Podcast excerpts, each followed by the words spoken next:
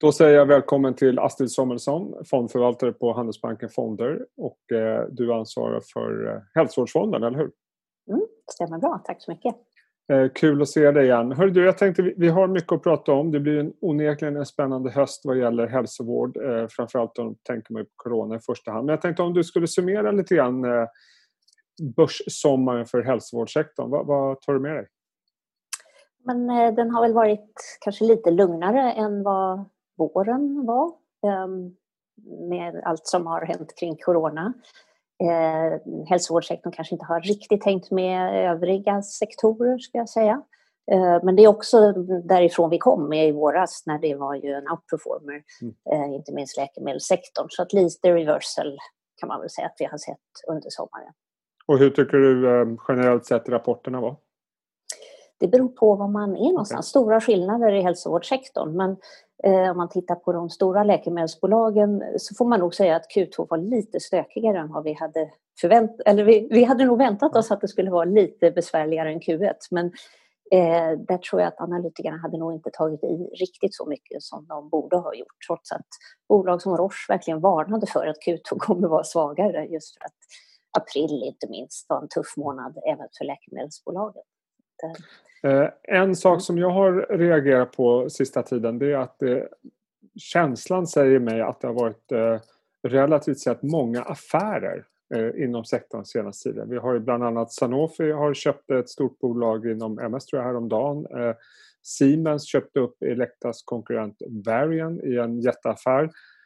och dessutom så har vi då Teladocs merger med Livongo som vad var det, 18 miljarder dollar och sånt där. så mm har jag rätt i om jag säger att det rullar på lite mer än kanske vi är vana vid? Ja, man får väl säga att det har kommit igång igen efter att ha varit stiltje när det så att säga, blåste som värst här i våras. Då hände ju absolut ingenting. Eh, så att vi ser väl kanske en start på att det, det börjar eh, rassla igång här.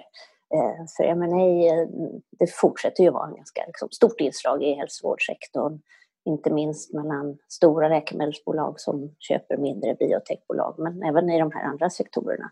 Eh, den som kanske väckte mest uppmärksamhet i den här stora affären inom digital hälsa mm. som du nämnde med Teladoc och Livongo just för storleken och, och folk blev rätt förvånade. Ja, och marknaden reagerade väl ganska negativt om jag minns rätt. Det var inte någon eh, ja, stor verkligen. Nej, det var inte applåder direkt. Nej. Eh, jag tror kanske att det var just storleken eh, som ändå gjorde folk lite nervösa och att båda har ju varit riktiga coronavinnare ja. i år. Och det är klart att det var ju på väldigt höga nivåer så det fanns nästan bara en riktning egentligen därifrån. Men du tror att det, det, finns en hygglig sannolikhet att vi kommer få se flera affärer under hösten och framöver då? Eh, vad ska man säga, jakt på tillväxt eller förbättra ja, sin... Nej, men, eh, absolut. Jag tror det är alltid svårt att säga om exakt när saker och ting ska hända. Ja. Och, eh, I vissa fall, jag vet, man hör ju fortfarande eh, vdarna på stora läkemedelsbolag tycker att det är för dyrt. Eh, mm. men vad ska de annars säga? Det är ju så det brukar låta. Så att säga. Men eh, det borde komma mer affärer skulle jag tro. Sen är det ju så här att det är presidentval, det har väl inte undgått någon i höst och eh, alltid när det är presidentval så hamnar den här sektorn i fokus. Och så, om jag ska vara lite fördomsfull så brukar det inte generera så mycket ändå i slutändan när vi kommer förbi valet för sektorn. Eh, Trump har ju eh, bedriver en kampanj mot eh, läkemedelspriserna. Han var ute och twittrade igår och sa att eh, man skulle se prissänkningar på upp mot 70 procent tror jag han twittrade om. Vad ska man säga om det? Är, är det liksom ett traditionellt valfläsk i samband med valen och hälsovårdssektorn eller finns det något mer konkret bakom det? Nej, men det är precis som du säger, det kommer ju alltid som ett brev på posten att det kommer upp när det är presidentvalskampanj på bägge sidor. Det verkar vara så att säga, ett område man alltid kan ge sig på. Ett tag så tänkte vi att den här sektorn kanske skulle vara lite, lite mer fredad med tanke på allt som har hänt med vacciner och läkemedelsutveckling. Att eh, sektorn var, hade, fick lite hjältestatus men den har väl inte varat så länge. Liksom. Den, så nu är vi back to normal och um, det här utspelet igår, ja, det är en förlängning också med några förslag som kom här under sommaren från, från Trump om läkemedelspriser där så att säga, målet är att eh, få ner dem. Eh, mm. Men eh, när man pratar med bolagen så är, de låter ungefär som vanligt att oron är inte enorm. det förmodligen kommer väl ticka på som förut och kanske egentligen skulle alla vilja ha någon variant av reform bakom sig så kan vi liksom gå vidare. Den här hoppar upp hela tiden. De börjar bli rutinerade läkemedelsbolagen eh, kring val. Det har ju pågått ett antal val så här. Eh, ska vi prata lite grann om vaccinet då som är eh, i fokus för väldigt, väldigt många och tydligen så har Ryssland ett färdigt vaccin. Nästan inga biverkningar om man ska tro på Putin. ja. vad, vad säger du om läget just nu på, vad gäller vaccinforskningen? Nej, men eh, det är ju bara att, att bocka och buga. Det har ju gått så extremt snabbt. Mm, eh, Helt eh, liksom, motbevisar alla tidigare teser om hur långt det ska ta att utveckla ett vaccin. Då brukar man ju tala om fem år, sju år någonstans där. Och nu kanske vi kan ha ett godkänt, åtminstone sån här emergency-godkännande av ett första vaccin på mindre än ett år. Och det skulle ju vara liksom ett rekord som är förmodligen svårslaget. Att, Hur är det möjligt att eh, ta fram? Jag, menar, jag har hört tidigare siffror om att det ska ta 10-15 år eh, och nu är det liksom mindre än ett år kan det finnas någon form av vaccin. Hur, hur är det möjligt? Är det alla resurser som har kommit till eller Förklara ja, det. Men eh, det, är väl, eh, jag vet inte om jag har förklarat men det är klart att verktygen som vi har idag är ju helt andra än vad vi hade för tio år sedan när det gäller snabbhet att sekvensera. Alla verktyg vi har att bygga ihop nya vacciner och vi har nya vaccinteknologier, inte minst det här med mRNA. Det fanns ju inte för ett antal år sedan heller. Ehm, det har ju plöjts ner stora resurser. FDA och andra myndigheter har ju varit väldigt samarbetsvilliga också att låta bolagen avancera i väldigt snabb takt också. Eh, och, och, många stater, USA och andra har ju också plöjt ner eh, mycket pengar i att ta fram det här. Och, och det har varit en riskvillighet från bolagens sida att, eh, att starta tillverkning innan de har resultat. Så att allt det där tillsammans kanske är nog ändå det man kan peka på. Och om vi nu antar att det kommer en, någon form av vaccin här innan årsskiftet. Jag misstänker att det kommer vara för en ganska begränsad grupp eh, patienter. För det är väl knappast troligt att man når ut till en massmarknad på bara några månader nej, det är väl ändå rimligt. Jag tror att eh, de flesta bolag har ju talat om, i och för sig eh, inte så små mängder, men hundratals miljoner doser eh, före årsskiftet. Eh, så det är ju inte, som sagt, inte så små mängder, men det räcker ju inte till hela, hela världens befolkning. Så de stora volymerna kommer väl nästa år, skulle man nog tänka. Och eh, om vi då tittar på vilka bolag och eh, tycker du ligger längst fram i, i den här utvecklingen? Är det de vi har hört tidigare eller? Ja, det är ju ändå de som har väl, eh, den som har kommit på senare tid är ju AstraZeneca som mm. har kommit ikapp, um, får man väl ändå säga, i samarbete med Oxford University. Uh, så just nu så är det en trio längst fram uh, med Moderna som var ju först ut.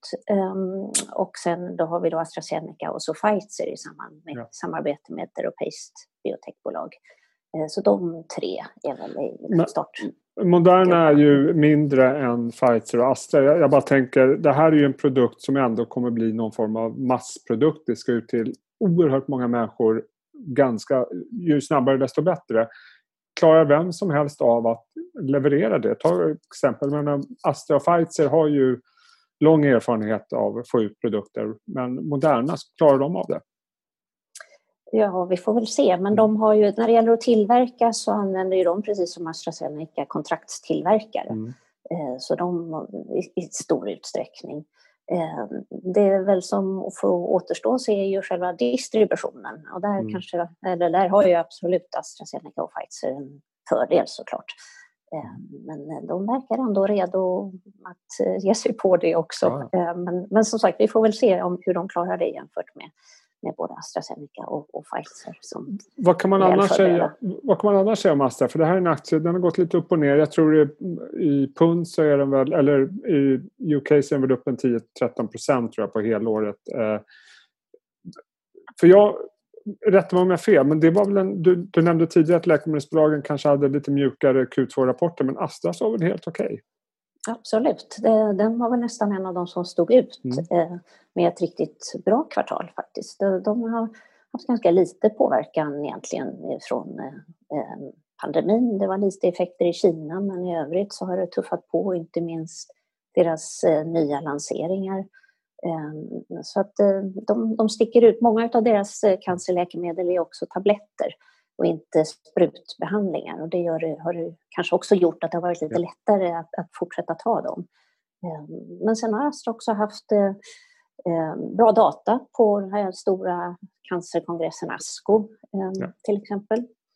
Eh, de har fortsatt att göra ett avtal nu senast med ett japanskt bolag, Daiichi Sankyo, som ser också spännande ut. Så de, eh, det är mycket som går rätt. Eh, kassaflödet blir förbättras och det har varit ett orosmoln tidigare. Så att det, pilarna pekar åt rätt håll helt enkelt.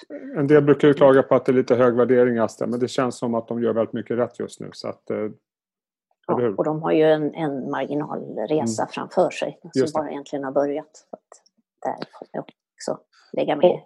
Och, apropå Sverige, för vi kallar ju ändå Astra Sverige, vi som bor i Sverige, vi, vi tycker det är lite svenskt sådär. Eh, jag minns eh, när jag följde sektorn på slutet av 90-talet och början av 2000-talet då kom det ju en drös bioteknikbolag som börsnoterades i Sverige men nästan ingen tror jag lyckades eh, ta sig till kommersialisering.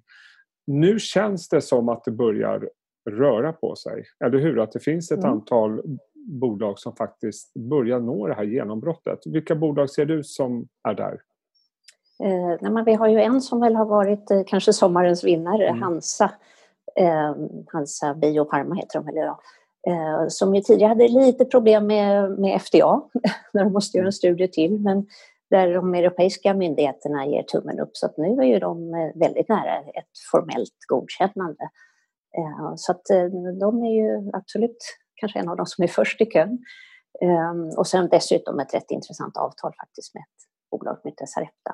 Okay. Ehm, men i övrigt så har vi Oncopeptides, de har ju filat ett läkemedel mot multipelt myelom. Ehm, och sen är det ju några som hänger på att eh, kliniska studier ska gå bra såklart. Och där har vi till exempel Caliditas som håller på med en sällsynt njursjukdom med data ja. som kommer i slutet på året. Ja, så att vi har en, en bukett med bolag.